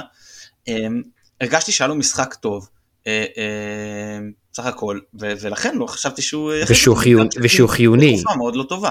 ושהוא חיוני. לא רק שהיה לו משחק טוב, הוא חיוני לסיטואציה על הדשא. כן. ללהרוויח את הכדורים, ללפתוח את השטחים, ללאפשר ל- לרביעייה הזאת לגעת כמה שיותר בכדור. אה, עלי הנחתי שהוא לא יכניס אותו במחצית כי אין במקומי, אתה מבין? אני חשבתי שיש, אבל בסדר, אוקיי, זה לא... חשבת שהוא צריך להחליף את דיה? שיר, את שרי. את שרי. כן. אמ, פשוט חשבתי שזה יכניס לנו איז- איזון, חש- איזון למשחק, כי חשבתי שמכבי תל אביב הרבה פחות טובים מאיתנו, אבל שהם הרבה יותר מאוזנים. מעניין, אה, בכר, נגע בעניין הזה של שרי, אה, יצא לי לשמוע את חלק מהראיון שלו ברדיו בדרך הביתה, אז הוא אמר, אה, כי שאלו אותו על החילוף של אה, סבא, אז הוא אמר, אה, שרי זה שחקן שאני רוצה אותו על הדשא במשחקים כאלה, כאילו, לאור- לאורך כל המשחק. אה, במילים כאלה או אחרות הוא, הוא כאילו אמר, הוא, הוא, לא, הוא לא חליף כל עוד הוא כשיר. אה, הוא אמר כן? את זה בעבר על נטע וראינו איך זה התפעל. פיתחו סוגריים, חומר למחשבה לעונה הבאה. דיברנו על זה כאן. של- המספר, כולם, כולם מכירים את המספרים של שרי לאורך ארבע שנים, המספרים שלו בירידה. הוא תקוע על השמונה שש המון זמן, זה הולך להיות, זה הולכת להיות העונה עם המספרים הכי פחות טובים שלו. המספרים רגע, זו- זו לא הבעיה. רגע, שלי. רגע, אבל גם בספרינטים, בחילוצי כדור, בסדר? במסירות מפתח. אני חושב ששרי הוא בלתי חליף, כי אין תחליף לאופי. זה לא קשור לעובדה ששרי נמצא בירידה. אה, אלה שני משפטים, אלה שני משפטים שונים. נכון, ברור. ברור, זה- ו- ו- ועדיין דרך אגב מבחינת האופי אתה רואה בשני המשחקים האחרונים גם בטרנר וגם אתמול מאה. פתאום אה, קפיצה חזרה ל- כ- כאילו הוא קצת אה, איבד את השרביט שלו והוא מצא אותו חזרה. מאה אחוז וזה חוזר לשרי של שנה שעברה שהיה מצוין בפלייאוף ולפני שנתיים שהיה מצוין בפלייאוף זה נכון. אני אני מסכים עם מתן בהקשר של החילוף שמתן הציע זאת אומרת לא חשבתי שזה נכון לעשות אותו אני מסכים עם מתן שזה רעיון מעניין ולו כדי לתת לדיה סבא סוף סוף לשחק את העשר שהוא רוצה לשחק. בלי התניות בלי מנגנונים בלי דרישות הגנתיות לשחק עשר. עם התניות, עם התניות, תישאר לעונה הבאה תשחק 10, כן. ברבע שעה הקרובה תשחק 10 אם תחתום פה שאתה נשאר לעונה הבאה. ותחתום לי כאן וכאן וכאן וכאן. אגב, בשביל, בתקווה שדיה יישאר, שאלה אם שרי ידע לקבל עם המאמן הבא ויגיד לו, אני רוצה אותך כזר השישי. שזה לקחת בחשבון שאתה, אם אתה מתחיל בקמפיין אלופות, יש לך אה, רוב הסיכויים גם בשלב בתים, וכי אה, אתה מדורג סיבוב ראשון, ואחרי זה מסיבוב שני זה כבר נשירה כפולה, ואולי אפילו מדורג סיבוב שני במוקדמות אלופות, ואחרי זה אם, אתה, אה, אם לא אז לך לפחות פלייאוף קונפרנס אם עברת סיבוב ראשון, וזה מסלול אני, אני, רק רוצה, אני, רק, אני רק רוצה להגיד שהביטוי זר שישי הוא לאו דווקא נכון. אתם אנשים שבדרך כלל אוהבים לדייק את הביטויים האלה. מחליף שמשנה משחק מהספסל לא חייב להיות זר שישי.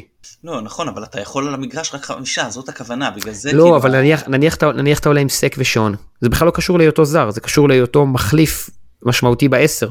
כן, אז השאלה אם הוא, ידע, אם, אם הוא יכול לאמץ את זה, ואם כן, אז אני חושב שזה יכול להיות יותר טוב מאשר גם לנו וגם לו, מאשר אם הוא יבוא ויגיד, תראה, אני חושב שאני מספיק טוב בשביל להמשיך לשחק בהרכב, ו- ואני רואה את עצמי כאיזה, ואז לא, צריך לשקול איך שחקן כזה יקבל אה, אה, פיחות במעמדו.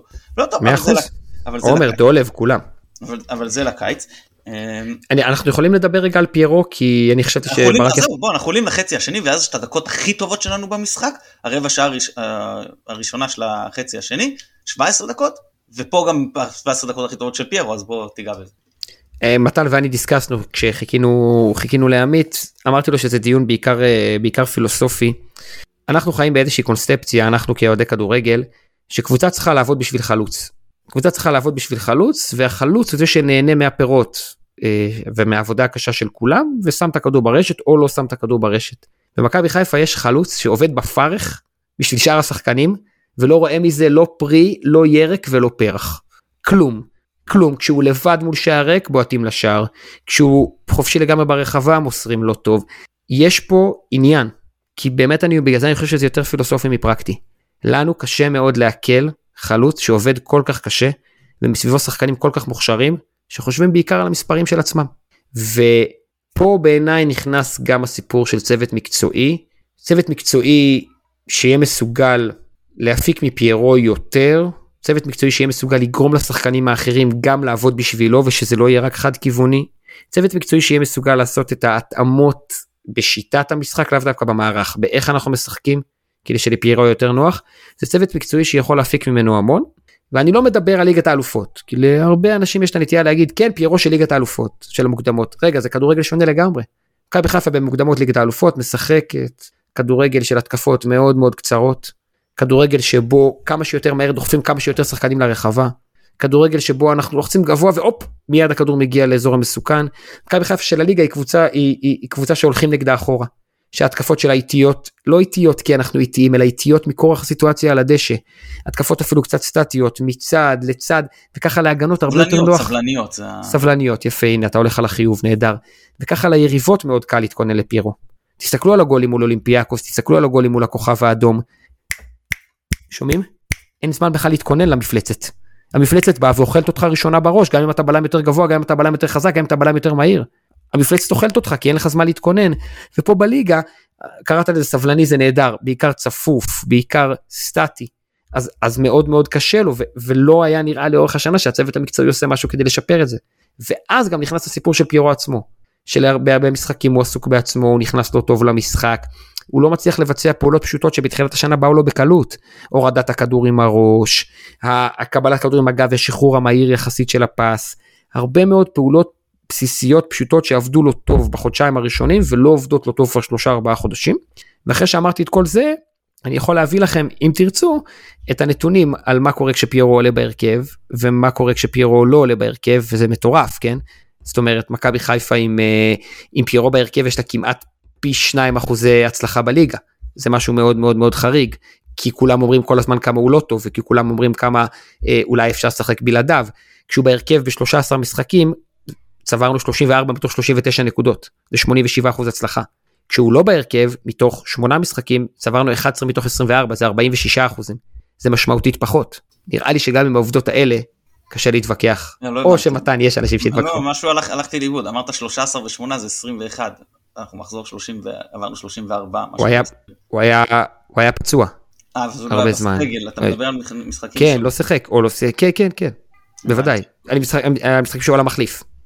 כן, אוקיי. פתח ועל המחליף. כן. אתה מדבר רק על משחקים שהוא שותף, כאילו. כן, בוודאי. אוקיי, לא, אוקיי, בסדר. אה, אני, אני, אני אגיד ככה, אה, אני, אני קודם כל מסכים עם, עם הניתוח שלך. אה, פיירו אם היה משחק לאורך העונה פיבוט, כמו שהוא שיחק אתמול, זה כבר, הקטרוג עליו הוא, הוא נובע, חלקו בצדק גמור, מאיזושהי חוות דעת שלילית שהתגבשה לאורך השנה. אם הוא היה משחק, כולל ההחמצות, פיבוט כמו אתמול לאורך רוב השנה, אני חושב שהדעות עליו היו הרבה יותר חיוביות. כי אתמול היה לו משחק טוב כפיבוט. זה מזכיר אה, משחקים שהוא גם כבש בהם, אמרנו אשדוד, אה, אה, הראשון אני מדבר, גם אשדוד השני, קריית שמונה, כל מיני, לא משנה, טד, אני חושב שזה היה בית"ר ירושלים, לא משנה, אה, אה, היו לו משחקים טובים כפיבוט, לא מספיק. לא מספיק, צריך להגיד את האמת. לא מספיק. אה, מאה אחוז, ולכן... אני, רק, אני מסכים עם מה שאתה אומר, רק שיהיה ברור. כן, אוקיי, ולכן, כשאנחנו מסתכלים גם טוב, יהיה לנו פרק סגל והכל, אבל בקצרה, כשאנחנו מסתכלים אה, אה, לקראת העונה הבאה, אז או שיבוא מאמן שאומר, אני הולך לשחק עם שיטה שמתאימה לפיירו, או שאנחנו אומרים, חבר'ה, מה שיש פה, בהתאמה של הליגה שלנו לכדורגל שלנו, זה לא זה, יכול להיות שיש פה יכולות גם יותר טובות, זה כנראה לא מספיק לנו. בתור חלוץ פותח במכבי, ואם הוא היה ישראלי, הייתי אומר שאני משאיר אותו, למרות כל ההשמצות וזה, קל, אבל הוא לא ישראלי, וזה חלק מהעניין. מה, אה, זהו, שרציתי להגיד, מה הנקודה האחרונה שרציתי להגיד בנושא, אבל בואו נתקדם ואולי נזכר. אז אה, זאת אומרת, אנחנו רוצים לדבר על תחילת החצי השני. אה, אמרת דקות ממש טובות של מכבי חיפה, אמרת קורנו ודניאל. כן, בוא, בוא תפרט לנו. קצת כמו שאמרתי בהתחלה, היכולת של שני המגנים האלה לקדם את המשחק שלנו אה, לשליש המרכזי ולשליש האחרון בבילדאפ, היכולת שלהם לתרום להתקפה במגוון דרכים, וכשאנחנו מדברים על הגול השני של מכבי חיפה, אנחנו מדברים על, ה, על מה שנדב קוגלר עשה מאוד מאוד יפה בטוויטר, אפשר לצרף את זה גם לפרק ש, שהוא יצא, אה, שמראה איך דניאל סונגרן נכנס מאוד מאוד יפה עם הכדור וגם בלעדיו מהקו לאמצע. לא מאפשר לשחקנים לשמור עליו כי הוא בין הקווים, דור פרץ יוצא אליו, זה משאיר בור אצל דיה סבא, דיה סבא מקבל את הכדור מרוב שיש שם בור, דיה הוא טיפה מאבד אותו ועדיין עומר, אה, אה, ועדיין עומר לבד, והכדור הולך ל... קראו לו, או כפי שהם קראו לו שהוא היה בתחילת דרכו, בור פרץ. אוקיי, כן, נכון. אגב, ג'ורדי קרויף שם אותו כמאמן נגד ויה ריאל. אה, נתן לו את הדקות, הוא כבר היה מושל לפני זה לפועל כפר סבא. גם מסלול קריירה מעניין. תודה שקטעת לי את חוט המחשבה. אם היית תלמיד הייתי כועס סתם צוחק וכשפייר קורנו בועט לשער יש למכבי חיפה חמישה שחקנים בתוך הרחבה. זה הכדורגל. כן ו- ושחקנים שאפילו ראית שהם לא בנבדל אה, מהיציע זה אולי בניגוד לשער השלישי שתכף נגיע אליו ואני חייב להגיד שבצד שלנו לפחות חצי יציע אפילו לא מחא כפיים לא צעק יש. היינו בטוחים לי, שלחו לי את השידור של רדיו חיפה הם גם לא התלהבו. בשער השני חשתם שיש אופסייד? בשער לא. השלישי. השלישי. בקליטת אה, כדור של שרי. של שרי, כן, כן, כן איך הוא עשה שם צעד. אנחנו את היש צעקנו כשגרינפלד שרק לחידוש המשחק. כן, כן. אנחנו חגגנו בחצי כוח מה שנקרא. לא לא, עוד לפני, כשהוא קיבל את הכדור עוד לפני בכלל שהמשיך המהלך אמרנו אופסייד אופסייד אופסייד אח שלי אומר לי מה הם בכלל חוגגים אמרתי לו תשמע הם מנסים אולי להפעיל לחץ פסיכולוגי לא, על השופט. לא, אבל לא הניף את הדגל בכלל. לא, כאילו. זה, זה ראינו אבל אתה יודע קוונים כבר לא הניפו דגלים. זה, זה נכון. אה, כן אבל אבל דרך אגב עם, עם השער של קורנו שאיתו אה, פתחת ואני קצת קפצתי אז אה, זה משהו שקורה במשחקים האחרונים יותר, הבעיטות של קורנו לשער. גם פה, גם נגד אה, הפועל ירושלים, אתם זוכרים, לפני שספגנו את השוויון, כן. אז היה שם אה, בעיטה שלו לקורה, נדמה לי שגם נגד באר שבע הייתה לו איזושהי בעיטה מסוכנת אה, לשער, אה, וזה משהו ש, שצריך להשתמש בו. אני, אני זוכר עוד משושלות קודמות של מכבי, שאני אומר, כשיש לך מגן, בפרט כשהוא מגיע הרבה לאזורים ההתקפיים, וזה ככה במכבי לאורך כל העונות, מגן צריך פעם פעמיים במשחק לבעוט לשער מבחינתי. ולו בשביל לש, לשמר את זה שיש איום ולבלבל יותר את ההגנה על האופציות uh, שעומדות לפניו. Uh, ובטח כשזה שחקנים שהם בסך הכל עם, עם uh, כישרון טכני טוב, כמו סונדגרן שכבר הבקיע במשחק בבלגרד, כולנו זוכרים, uh, וגם קורנו שבסך הכל הרגל שלו מאופסת גם בפס uh, שטוח וחזק מהאגף. אה, שחקנים כמו דוד אמסלם ויגאל אנטבי היו בועטים הרבה בעיטות בסגנון הזה של, שקורנו ועד עכשיו. גם אהרוני, גם אה? חרזי, היו, היו להם את זה.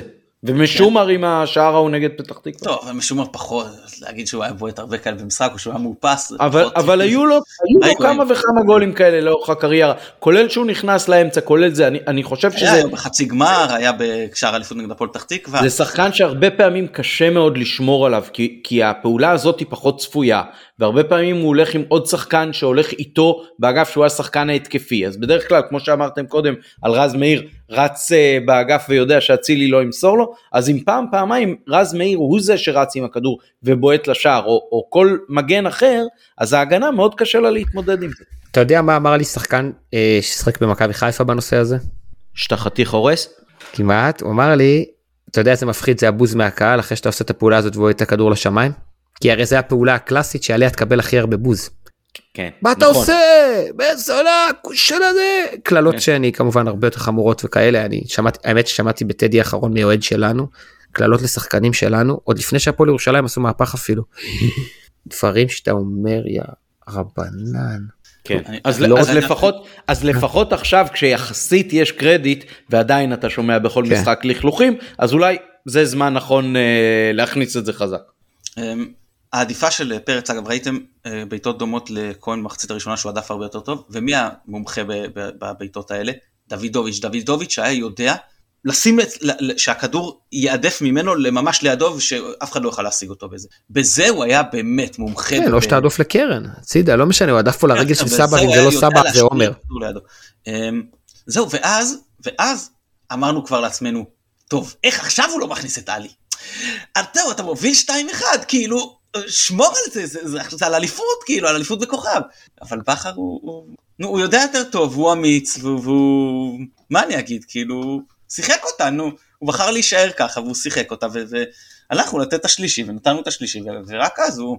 עשה את החילוף אה, שהכניס את... הוא ידע, הוא ידע, הוא ידע שיש סיכוי שאנחנו נספוג את השני והוא רצה להשאיר על הדשא את מי שיאפשר לו לכבוש את השלישי. בגלל זה דרך אגב גם כשהוא אולץ לחילוף האחרון בפעימה האחרונה אז הוא הכניס את דין דוד והוא לא הכניס אה, מישהו יותר הגנתי, אני זוכר נכון את הסדר?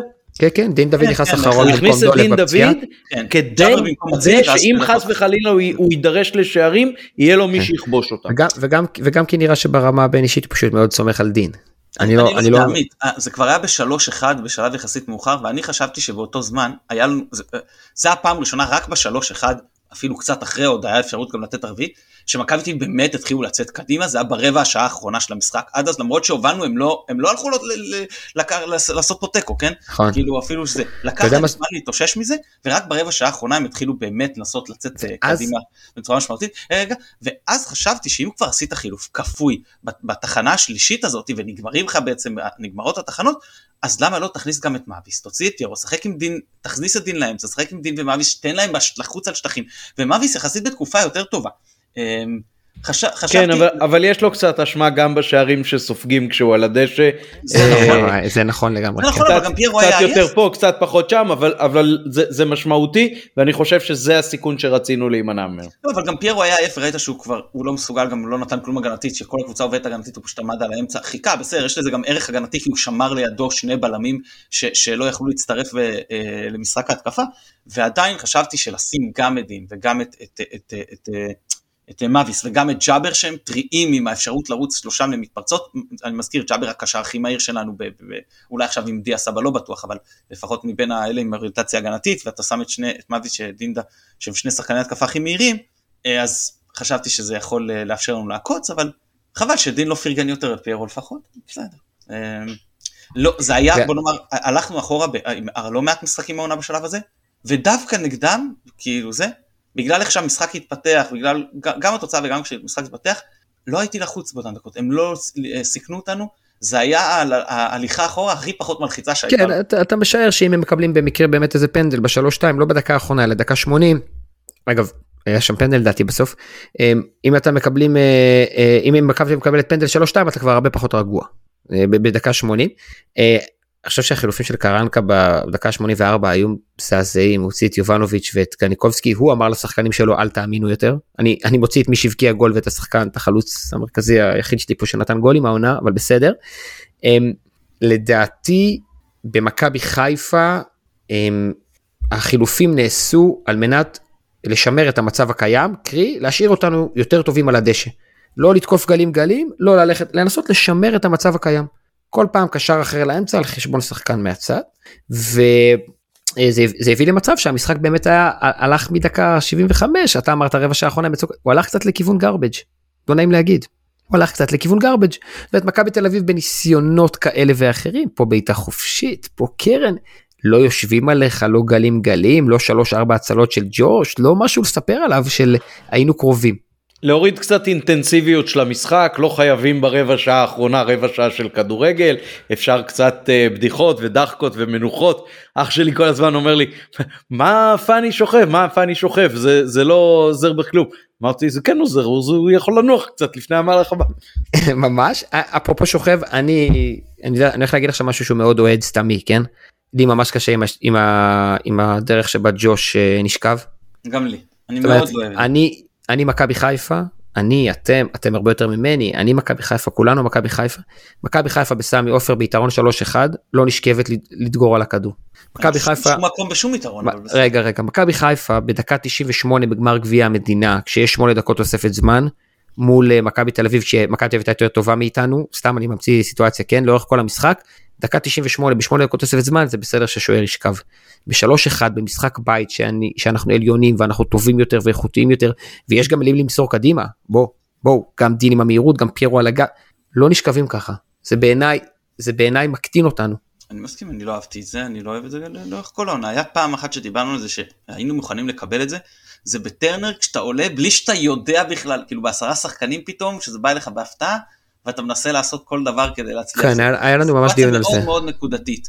כן. אמ, שגם לא אהבתי את זה אז אבל זה עוד איכשהו אני מוכן לקבל אבל בדברים אחרים אני כאילו זה זה פשוט כל פעם שזה קורה אני לא רוצה להיכנס פה גם פרסונלית לג'וש זה יכול להיות אופי ארד היה אוהב לעשות את זה מדי פעם יש כחפויות עם הרגל למעלה זה קצת שם לי חמאה על הראש אחרי זה כשאני מדבר על חדרה. כן. זה, זה לא נעים לי הסיטואציה אחרי זה שאני מדבר על בזבזות של קבוצות אחרות לא נעימה לי. לא אבל יש לך אני באמת לא מבין יש חוק של השש שניות וכסף פשוט להתחיל לאכוף אותו פשוט יקל את כל העניין הזה שיגדילו את זה לעשר ויגידו עד שכל השחקנים יוצאים מהרחבה או לא יודע אבל באמת שקל לעשות את זה וחבל שוקפים את זה וזה. אבל זה מה יש. בקיצור מהמשחק עצמו ממכבי אני חושב שזה המשחק בבית העליון שהכי נהניתי ממכבי בו יותר מהמשחק נגד נתניה אפילו. באמת ממש ממש נהניתי.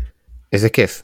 כן, תשמע, אה, חד, חד משמעית, גם, גם המשחק עם הפרופיל, אומנם אה, היריבה הישירה היא, היא באר שבע, אבל אה, זה כאילו הרגעים האמיתיים האחרונים, ו, ובטח כשאתה כבר מרגיש לחוץ אחרי ההפסד בשבוע שעבר, ועם בית הדין לפניך והכל, אז סוף סוף לבוא ולהפגין את הדומיננטיות הזאת ש, שחיכינו כל כך הרבה זמן. אה, זה בפירוש היה מהמשחקים הכי טובים של מכבי בעצם העונה וברגע, וברגעים הכי חשובים אז ממש שאפו לבכר ולשחקנים שהצליחו להביא את עצמם בפורמה הכי טובה מזה כמה חודשים לדעתי. אני, אני אגיד לך עוד אה, שני דברים. אחד, היה, אתם זוכרים שהובלנו 3-0 בדרבי ופתאום אה, נטע מקבל צהוב וכל האווירה יורדת? אז היה פה את ההחמצה של הפנדל של אשדוד וזה קצת הוריד וזה היה חבל. אה, למרות שהצלחנו להרים חזרה לקראת הסוף, אבל בכלל אני חושב מבחינת האווירה באצטדיון, למרות שהגוש המעודד היה במקום פחות טוב, הייתה שם גם המון אה, צפיפות, כי עברו הרבה חבר'ה מהמשפחות דרומי, והם לפחות לפי מה שאני שמעתי במקום שלי ואני בדיוק על האמצע, זה היה פחות מהסטנדרט, אבל כל האיצטדיון עבד במשחק הזה, וזה ממש היה כאיצטדיון, נתנו פה אווירה, אני חושב, אני ממש נהניתי מהאווירה הזאת והרגשתי שבאמת אה, כולם נותנים עבודה, בעיקר שהיה אה, תחושה שיש שני מוקדי עידוד, כי גם בצפוני היה עידוד יותר ממה שיש בדרך כלל בדרומי, וגם בהתחלה אגב כשהשחקנים עלו לחימום, אז הדרומי, כאילו האולטרס התחילו לשיר את השיר שהם שרים תמיד, אבל הצפוני התחילו לשיר שיר אחר, והם אלה שהצליחו לסחוף את כל האצטדיון, וזה היה ממש משעשע. כן, ופה אני חייב, פה אני חייב להכניס משהו ששאל אותי אחד משני האחים שהגיע מהצפוני לשבת לידינו, אז uh, הוא אמר לי ככה ברגעים שלפני המשחק, רגע, אחרי דקה 80 עוד מותר להישאר באצטדיון ביציע הזה? כן אז אז אני חייב להגיד בקטע הזה אתה, אתה אומר אווירה בכל האיצטדיון אז כן גם ביציע שלנו שבדרך כלל 80-90 אחוז מהזמן יושבים אז 70-80 אה, אחוז מהזמן אה, עמדנו לדעתי במשחק הזה. אה, האיצטדיון עבד כן והאחוזים בבית הם פשוט מטורפים חוץ משתי הנקודות שאיבדנו מול ריינה זה הכל ניצחונות פשוט מטורף. ומילה טובה למכבי על ההשקעה הכספית שהוכיחה את עצמה על הרשת הזאתי. אה, אני לא אוהב את זה כי זה מפריע לאוהדים לראות למרות שהם אוהדי חוץ אבל זה פשוט היה ברור שזה נדרש וזה הוכיח את עצמו שום דבר לא אבו קלוקסה שום דבר לא עבר את זה אה, בניגוד לבלומפילד שאתה רואה שזורקים וזה נשרף ואיך זה מגיע לדשא אה, שאפו למכבי שהם החליטו לעשות פה את הדבר הרציני הזה בעלות להבנתי ממש לא נמוכה זהו מגיעות מחמאות. אופק מילות פרידה. כן אמ, אחד אה, בשעה טובה ומוצלחת אה, הצלחנו לשבור את ההעתק הדבק של העונה שעברה ברגע מאוד מאוד מאוד אה, חשוב. ניצחון בבית ניצחון בבית תיקו בבלומפילד ניצחון בבית הפסד בחוץ שזה הפועל ירושלים במקרה הזה ניצחון בחוץ הפסד בטרנר והופ עכשיו ניצחון בבית על מכבי תל אביב אז איזה כיף שזה בא במשחק הזה זה אחד לאחד אגב אותה ספירת נקודות מתן אתה איתי אני צודק. ככל שאני זוכר, כן? עשיתי שיעורי בית במיוחד לפרק הזה.